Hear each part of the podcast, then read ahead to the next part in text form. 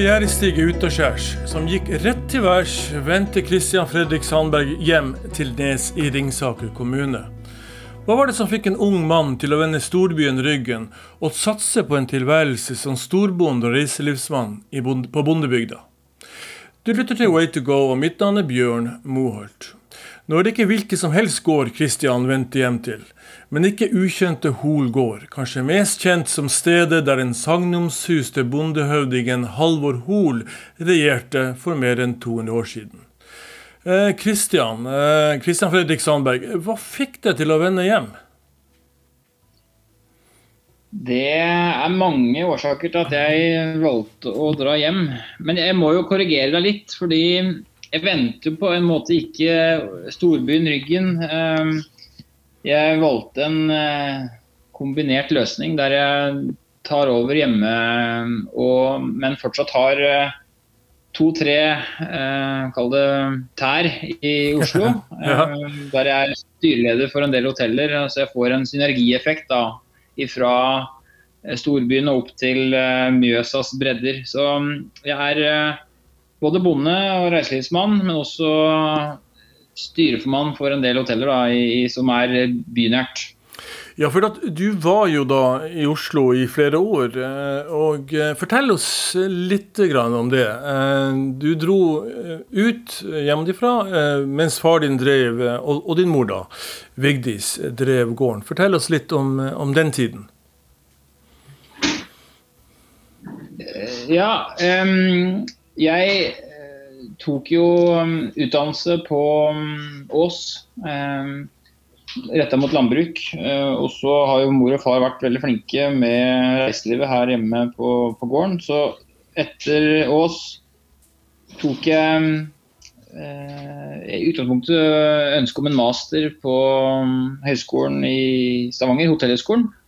og der men fant jeg fort ut at jeg ønska heller en bredere utdannelse, så jeg tok da eh, en bachelor til eh, der på Høgskolen. Og så tok jeg ekstravakter i, i eh, Choice sine hoteller da, i Stavanger.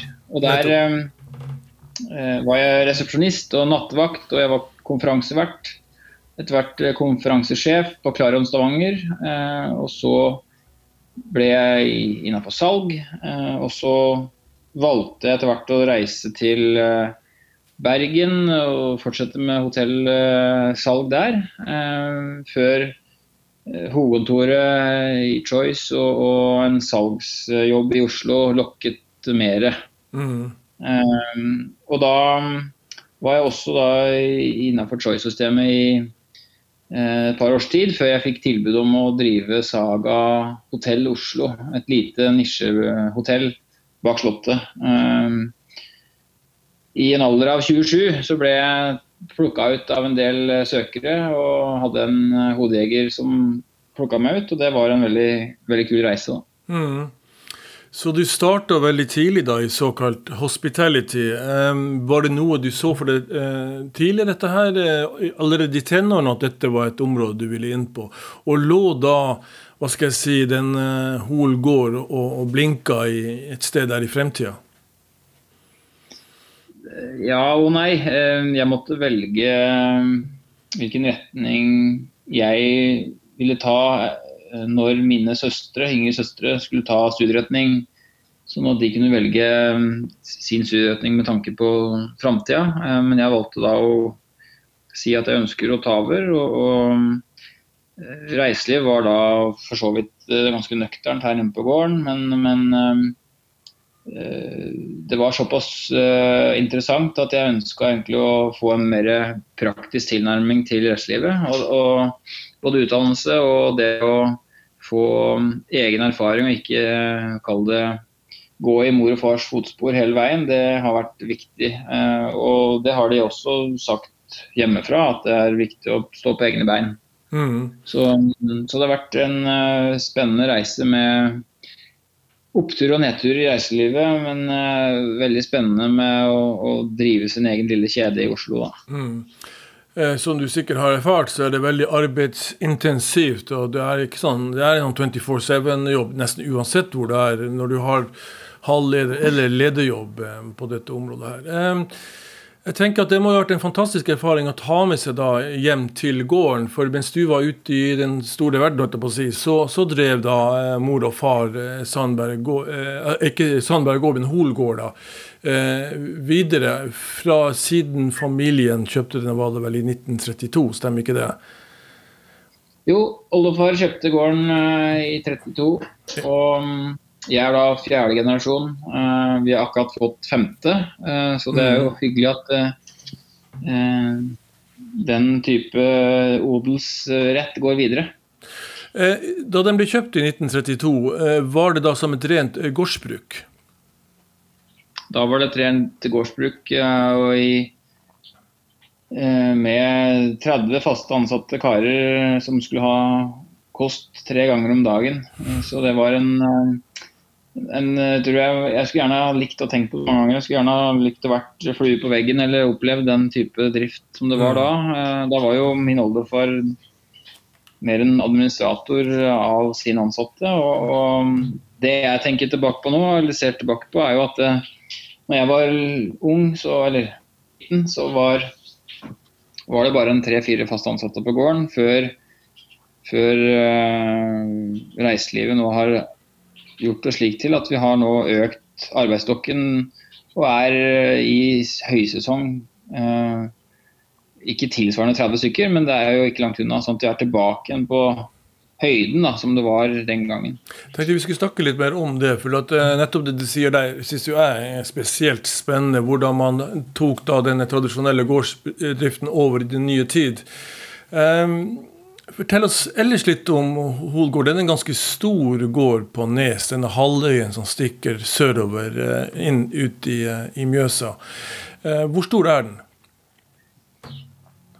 Vi driver i dag ca. 1500 mål dyrka og har en konsesjon på slaktekylling på ca. 180 000 kyllinger. Mm.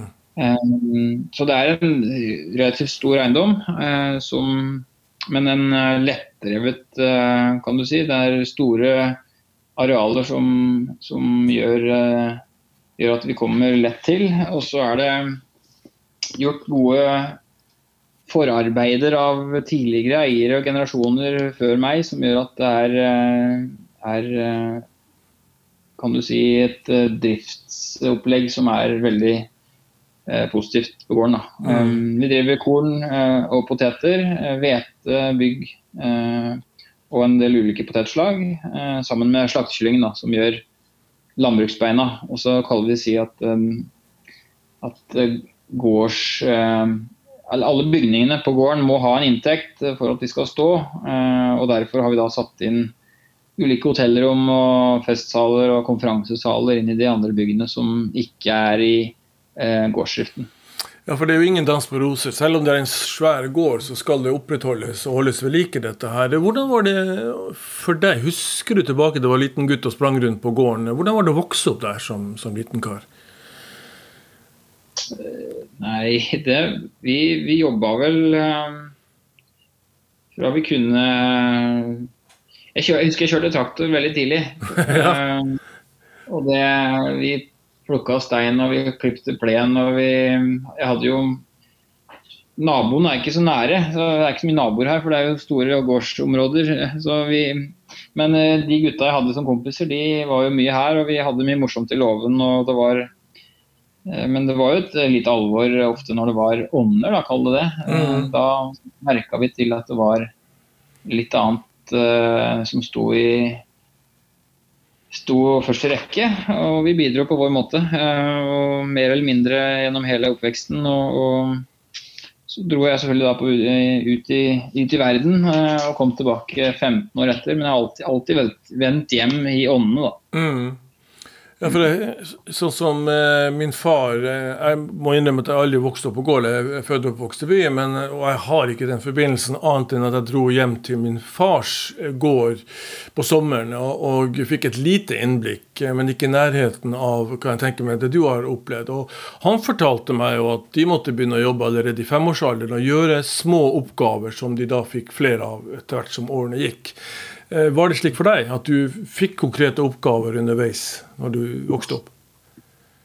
Ja. Eh, jeg husker spesielt en episode da bestefar og far pluss et par ansatte vi vi gjorde stand uh, landet til å så, og da plukka vi litt stein. Og jeg satt på traktoren og styrte. Og så trodde jeg skulle få en klapp på skulderen av bestefar, og så viste seg at han var misfornøyd med at jeg ikke kjørte rett på jordet. Så han, hadde, han sa ifra til meg at du må kjøre rettere, gutten min.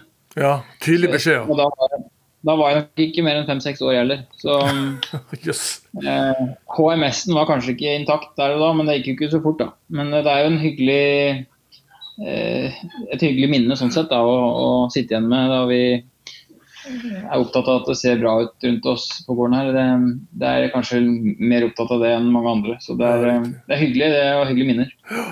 Det vil jeg tro. Eh, og det var sikkert eh, hadde mer lek over seg enn en arbeid, vil jeg tro, den gangen. Ja, det kan du si. Men det, det var jo også en del av det å komme inn i arbeidslivet og bli kjent med kara, som vi kaller det. Mm. De ansatte. og og bidra på vår måte. Og så når du ble litt eldre, sånn 12-14 år, så var det jo plenklipping hele sommeren, selvfølgelig. Mm. som var min jobb. Så det, det var ganske alvorlig ganske, ganske snarlig. Vi, men igjen så ga det meg jo både lommepenger og ansvar, og det tror jeg har vokst på lenge. Mm. Fantastisk. Er du flere burde ha dratt ut på, på bygdene og opplevd, opplevd det, faktisk? Ja, jeg, ja, jeg må avbryte litt, men det er jo litt artig. for Jeg har jo hatt en del arbeidsgivere opp gjennom eh, eh som som skryter av det at de gjerne tar inn eh, bondegutter eller bondejenter. Eh, for de er arbeidsomme og de, de syns at det er, det er sjelden de syter, i hvert fall over mye arbeidstid og harde arbeidsdager. Så mm. det er positivt da med å komme fra, fra en bondegård at du er vant til å jobbe. i hvert fall. Ikke sant, og ikke minst eh, ansvarsbevisst eh, vil jeg tro er viktig. Eh, for at det må jo inn. altså Det må gjøres, hvis ikke så råtner det på rot. og vet ikke hva, Det er, får ganske alvorlige konsekvenser direkte, som man kanskje ikke ser i andre sammenhenger. Men på gården så gjør du det, altså. Ja. ja. Den gården ble jo da drevet som en ren gård frem til var det slutten av 80-tallet. Før reiselivet kom inn. Og det ble en faktor mor og far eh, begynte så vidt det var i, i, i slutten eller tidlig 90-tallet mm. Eh, med reiseliv. Nettopp. Så, og da var det en sped begynnelse med at det gamle grishuset var eh, Kall det si bestefar sitt lille museum over eh, ja, ting som ble brukt før i tida i drifta. Og så satte vi noen gamle krakker og langbord da inn i inn i det grisehuset. Og så ble det eh, en del av et opplegg som mor og far eh, syntes var spennende å vise til både venner og kjente. Og så hadde vi litt private sammenhenger, og så inviterte vi plutselig noen eh, forretningsgjester. Og så, og så, ble det en, eh, etter hvert en, en, liten drift, men det fikk de ikke helt til. Så de, de ga det egentlig litt opp i starten. Mm. Um, men så kom OL på Lillehammer, og så åpna vel dronning Sonja jeg kan ikke si ballet, men hun nevnte at det er for lite varme senger i, i Lillehammer. Så vi ønsker at storgårdene åpner seg. Eh, og da fikk vi inn hovedsponsor, en av de, ABB, eh, den mm. gangen. Eh, som bodde på gården da i en måneds tid gjennom lekene og var en eh, minnes jeg da en fantastisk tid her på gården med mm. den vinteren og alle de VIP-gjestene fra ABB. Og det var egentlig starten på det hele. da. Ja, riktig. Eh, hva var det det gjorde med dere? Altså, det, dere er ikke de eneste som, som opplevde det. Syga Grytting, som jeg også har vært og besøkt, eh, sier jo mye av det samme som det du sier her nå. En gård som går tilbake til middelalderen, og som da plutselig fikk en helt ny eh, virkelighet, hverdag, i forbindelse med OL. Og mange snakker jo om OL-effekten, og kanskje mangel på OL-effekt, men her ser man faktisk at de olympiske leker på Lillehammer fikk en varig effekt. Hva var det som egentlig skjedde hos dere da, etter at ABB hadde reist hjem? Nei, kall det Vi tok ballen, da, og vi, eller vi, vi, vi valgte å kjøre det her litt videre. Vi utvikle et, et, lite frø som vi følte var satt med OB. Fikk en liten startkapital og utvida det gamle grisehuset enda litt til. Vi satte inn et større kjøkken, litt flere toaletter. Og det virka som at nærmiljøet her var positivt innstilt til å benytte seg av storgårdene, da, som var egentlig ganske lukket før i tida. Eh, og vi ønska å åpne da, denne kall kulturarven, som vi, vi, ser på det som, eh, til andre. Eh, og det har de tatt imot med åpne armer. Så, så fra 94 til i dag så har vi jo bygd på kan du si, litt for mange ganger. Vi skulle kanskje bygd på litt større ganger hver gang, men det har på en måte vært en en eh, forsiktig eh, prosess der vi skynder oss forsiktig. Og så merker vi så fort at det er, det er fort for lite det vi bygger på omtrent idet vi tar det i bruk. Mm. Så det, det, har vært en uh, veldig artig reise uten bruk av markedsføringsmidler, nesten. Uh, før vi nå da ble en del av de historiske hoteller, uh, hvor de gjør en del markedsføringsarbeid for oss. Ja, dere har bygd sten på sten. Jeg var jo så heldig å få være der eh, en helg. Og må jo si at det var jo fenomenalt å se og være til stede. Og ikke minst oppleve den stoltheten som finnes på disse gårdene og de som driver det. Sånn som gjennom din far, som stortrivdes i rollen som forteller om historien eh, bak Holgård. Det var, det var, en liten begivenhet for meg, må jeg si. Hva hva har vært den største utfordringen på den reisen som du her beskriver, fra de spede årene i 94 og frem til nå?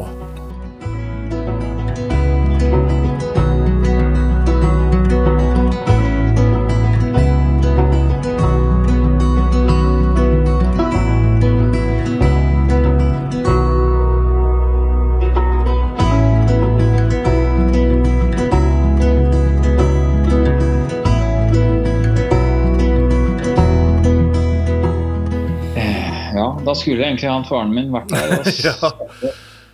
Han eh, gikk jo akkurat ut døra, så det var jo synd. Men uh, det tror jeg må ha vært uh,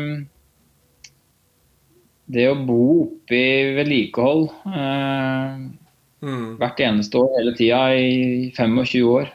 vi har bygd sten på sten og bygd mye hver, vinter i, kald lavsesong. Mm. Eh, det å bo sammen med gjester er både pluss og minus, men jeg, tror det har vært en utfordring å, um, å bo midt oppe i sitt eget hjem, uh, som også blir et reiselivsprodukt. Um, Det tror jeg er en utfordring. Og så tror jeg det å forvalte gamle bygninger, fra 1700- og 1800-tallet Det er freda bygninger, Riksantikvaren i bildet. Du, skal, du får en del aha-opplevelser med kall det regler og, og, og forskrifter som, som, som, ikke alltid er på din side. og det, det, har vi forståelse for, men det er ikke alltid like enkelt da, i disse gamle, gamle bygningene å, få det til på den måten som et A4-hotell eh, får enkelt til. Da. Så, mm. så, det er problemstillinger som, som eh, vi står overfor, som vi måtte gjennom eh, og gjort på vår måte. Eh, og sammen med det at det er ikke alltid like enkelt å finne eh, ansatte og medarbeidere alltid. Mm. Vi er jo ikke en storby, og det, ikke, det vokser ikke på trær. Så det å finne medhjelpere det er ikke alltid like enkelt heller. Mm. Nei, også justere for disse svingningene som er i, i, reiselivet. Det er jo heller ikke enkelt. Man har ikke en stor organisasjon å, å lene seg på. Jeg la jo merke til, Vi hadde jo en omvisning i de gamle stuene, og der var, er det jo lagt ned et enormt arbeid for å, å få denne gården tilbake til fordums prakt. Og det må jeg jo si var en opplevelse å se at at denne stoltheten som, som, kommer igjennom i den beskrivelsen, den er, den er, veldig fin å få med seg må jeg si, for gjester som kommer dit. Er det, er det nordmenn hovedsakelig dere henvender dere til? Ja, vi som nevnt er, er vi, ikke, vi har ikke markedsført oss eh, Vi har ikke brukt en krone tror jeg, omtrent på markedsføring eh, fram til 2017. Eh, mm. Da har det vært eh, munn-til-munn-metoden, kall det det. Um, og vi har alltid sett på gode gjester som gode markedsførere.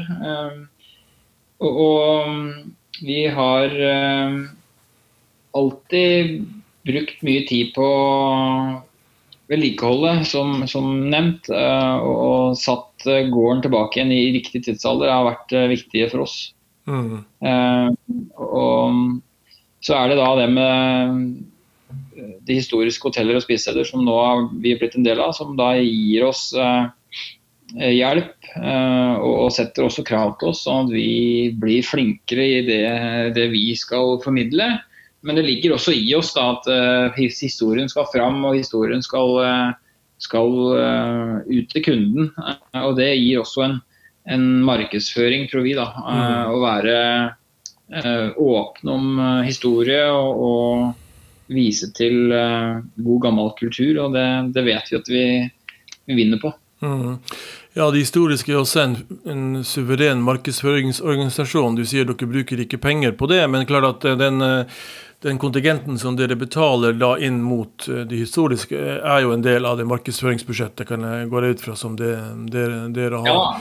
Ja, det er riktig. Det er jo en, en, en kontingent der som koster. og det Eh, men det mener vi at vi, vi får igjen for. Mm. Uh, og særlig når de er med og bidrar til den uh, stoltheten det er å, å ha sånne norske produkter rundt om i bygdene og ute på landet langt vekk fra byene.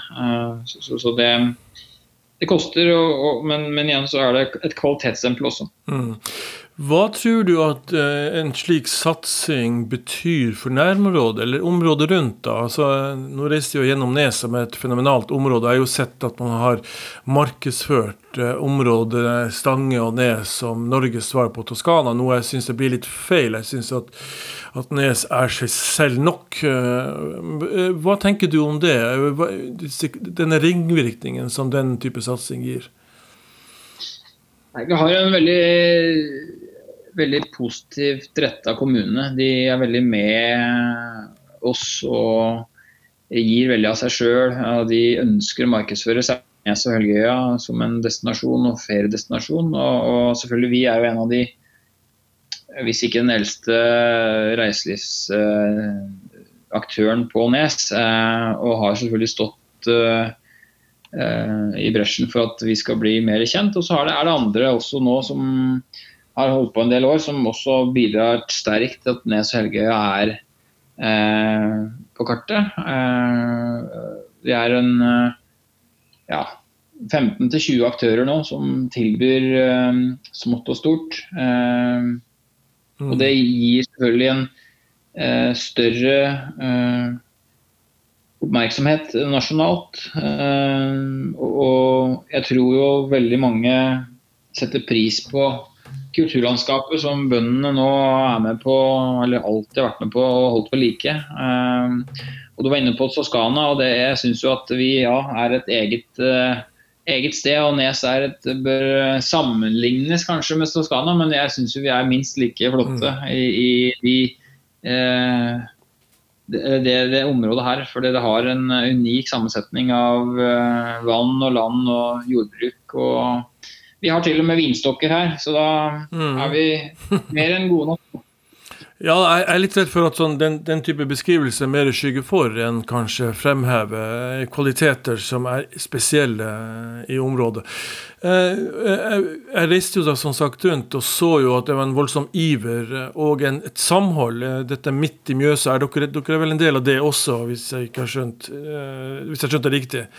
Eh, at man på en måte samler disse gode kreftene i en type, ikke en organisasjon nødvendigvis, men i en satsing som, som er selvforsterkende. At hver, hver, hver bedrift får en type kraft ut fra dette samarbeidet, og jeg tror at det er en riktig måte å gjøre det på. Jeg, jeg forsto det sånn på deg at det ikke alltid er like lett å få tak i ansatte. Jeg, jeg ser jo rundt omkring på gårdene så er det mye utenlandske arbeidere, altså fra Polen, fra Litauen og andre steder. Er det en utfordring, eh, dette her med å skaffe norsk arbeidskraft? Ikke det at utlendinger er dårligere enn Norge, men dårligere, men jeg, jeg tenker på at, at eh, her, her, har man jo en mulighet for de som ønsker, spesielt ungdommen, å finne seg en jobb eh, på et sted som jeg mener har veldig mange gode kvaliteter. Hva sier du om det?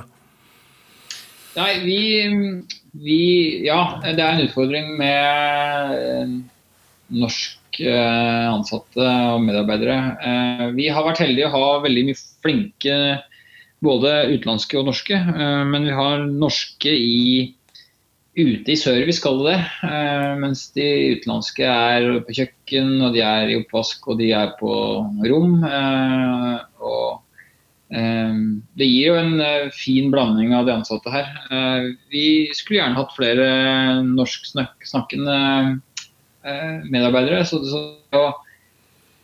det er en utfordring, absolutt. Særlig når du ikke har helårsdrift. Eller vi har jo helårsdrift, men, men for de andre i, i distriktet så er det ikke alle som har helårsdrift. og det er klart Da er det vanskelig å tilnærme seg 100 %-stillinger. Eh. Og det er vel neste målet vårt også, er å få flere 100 %-stillinger. Eh, og da, da, kan du klare å få eh, norske medarbeidere inn i, inn i ledende stillinger. Mm. Eh, selv om de, de, som har vært hos oss nå i snart 20 år, de snakker jo om norsk omtrent flytende. Så det, det er både plusser og minuser med å med ikke finne alltid medarbeiderne der de kommer fra. Men det kommer også mye flott eh, fra utlandet. Mm. Um, så det er både og det der. Ja, da, jeg har bare god erfaring med det. Det var på en måte ikke poenget mitt heller å, å sette disse opp mot hverandre. Det er mer det at jeg tenker at her er en mulighet også for nordmenn. å, å, å oppleve hva skal jeg si, annen side av Norge ved å jobbe der. Det går jo mange ja, ja. unge arbeidsledige inn i byene nå, så eh, det er bare et lite stikk til det. Mer enn til at ja, jeg, jeg, Da misforstår jeg litt, kanskje, men, men, igjen så er det helt klar på det at eh, er det noen der ute som ønsker uh, å jobbe i, på vakre steder med litt roligere hverdager, uh, så um, og ikke oppleve byen som asa kjas med asfalt, så er det bare å ta kontakt. så herlig. Du, eh, nå er jo dere kommet så langt med denne reiselivssatsingen. Eh, hvor mye utgjør det av, av den totale drifta? Eh, er dere kommet til vippepunkt her nå? The point of no return, for å si det slik. At nå har man satset så mye på reiselivet at nå er det bare å trykke på videre? Ja, vi, for å ta det første først, så, så er vi absolutt på et sted nå som gjør at vi um, ønsker å satse videre. Eh, gårdsdriften eh, har blitt eller Det er, en tankestrek å, tenke på det at en av Norges største eiendommer i landbruket omsetter nå for mindre enn det eh, noen få bygninger på gården her omsetter for totalt. Så det er klart det er en jeg vil si en 65 prosent kommer nå fra reiselivet, kanskje snart 40, nei, 70. Så, oh, så vi er mm. eh, vi, vi, begynner å gå eh, Min fars agronomhjerte er veldig lei seg innimellom, men, men vi ser jo også at eh, det, det, ene trekker med seg det andre. Eh, gården leier ut bygningene til reiselivet og får igjen leieinntekter. Eh, og igjen så kan vi da vedlikeholde disse bygningene. Vi har jo flere 1000 kvadratmeter med, med, trebygninger som trengs vedlikehold uh, hver eneste måned, om jeg kan si det. Så, mm. så vi er um, absolutt uh, interessert i å, å, føre begge to videre. For jeg mm. tror også at gjestene våre setter pris på at det er levende landbruk rundt hotellrommene sine. Ja, for den gangen disse gårdene ble bygd, så var det jo slik at de som eh, bygde og jobba der, de, de arbeidet omtrent for føda. Ikke sant? At Eh, det var, eh, det vedlikehold var ikke en så stor utgift den gangen, sånn relativt sett, som det er blitt i dag. Nå skal alt dette her betales i rene penger til eh, full lønn, og da er det helt annen, et helt annet regnestykke som skal beregnes inn. Så den tida får vi aldri tilbake igjen. og Jeg tror at, jeg skjønner din far at det er med sorgtungt hjerte at han kanskje må gi mer og mer avkall på, på, på den hva skal jeg si, gårdsdrift, gårdsdriftssida av dette her. Men samtidig så ser jeg at her ligger det jo en fantastisk mulighet mulighet. For de som kommer til gården, vil jo også oppleve selve gården og gårdsdrift, og hvordan det er å bo på en gård. Jeg tenkte at Den vil vel aldri helt forsvinne heller. Nei, da, det er sånn som du sier. For eh, si 70-80 år siden så var det jo, som jeg nevnte, 30 mann i arbeid, og kosten var en del av lønna. Mm. Um, så det, klart, det, det, setter ting i perspektiv. Uh, men nå er, det, nå er det dyrt å vedlikeholde. Uh, og det er dyrt å vedlikeholde korrekt med tanke på at alt skal tilbake igjen til 1700- og 1800-tallet. Um, og der kunne jeg tenkt meg mer hjelp fra politikerne. Uh, og jeg kunne også tenkt meg uh, at landbruket ble satt enda mer pris på. Eh, nå er jeg inne i politikken her, men eh, det er jo viktig at eh, norske folk nå setter pris på norske produkter og kjøper norsk mat. Og, særlig viten om at det er kvalitet de får. Og så gagner det norsk landbruk, men også den norske landsbygda til gangs. Ja, det er jo valg, valgår nå. Til høsten så skal, jo, eh, så skal du ikke se bort fra at det blir selveste Vedum som blir statsminister. og Da er dere jo eh, da vil jeg jo tro at da står dere jo ganske gunstig til eh, i forhold til kanskje å bli, bli tilgodesett med, med privilegier. Ikke privilegier nødvendigvis, men, men med, med, godtgjørelse og tiltak som styrker hva skal jeg si, landsbygda. Og det tror jeg er på sin plass, vil jeg si. Og Derfor anbefaler jeg nordmenn å reise ut på gårdene for å se hva som finnes der ute, og spesielt i indre på Innlandet, som jeg føler blir gjerne kjørt forbi av de fleste på veien til Lofoten eller til skianlegg eller hvor det måtte være. og eh, det er derfor jeg tenkte i utgangspunktet å ta denne praten med deg. Fordi at eh, veldig mye av trafikken går forbi Hamar, eh, Ringsaker-regionen. Eh, men bli litt, sier jeg bare. Det, det er mye her som, eh, som, er verdt å få med seg.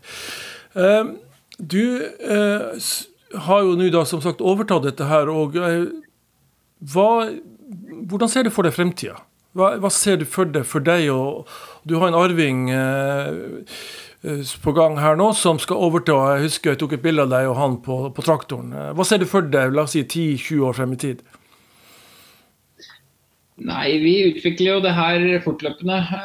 og vi ser på enda flere inntektskilder. Eh, ikke bare gårdsdrift og reiseliv, men også andre løsninger som, som passer inn i, inn i gårdens eh, Kall det sfære. Eh, og, men jeg tror jo at reiselivet for vår del det kommer til å bli satsa på i lang tid fremover.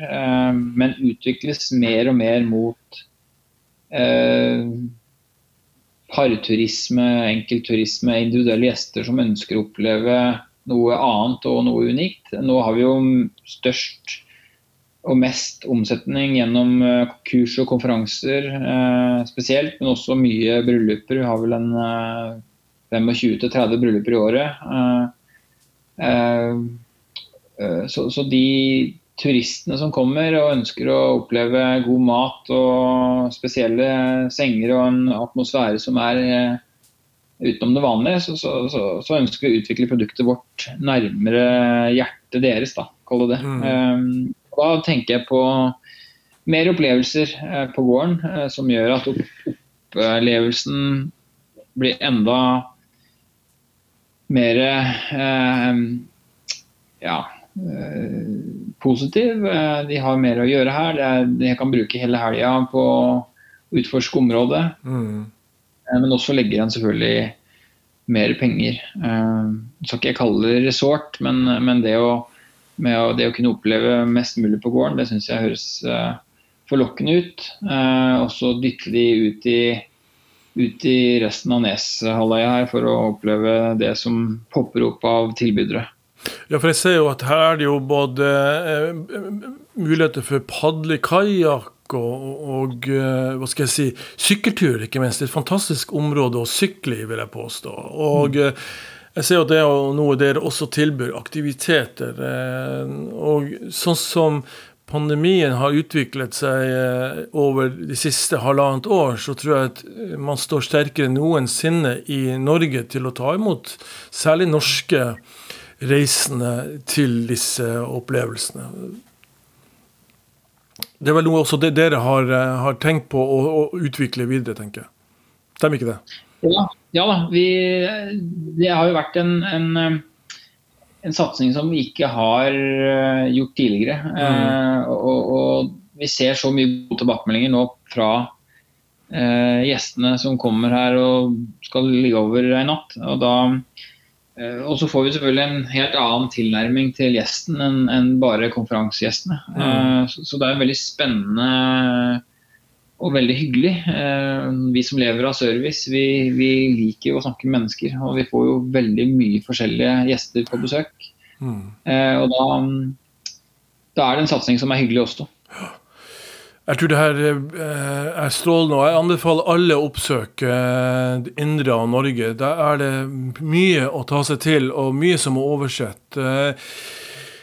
Kristian Fredrik Sandberg, tusen takk for praten, og ha en eh, riktig god sommer.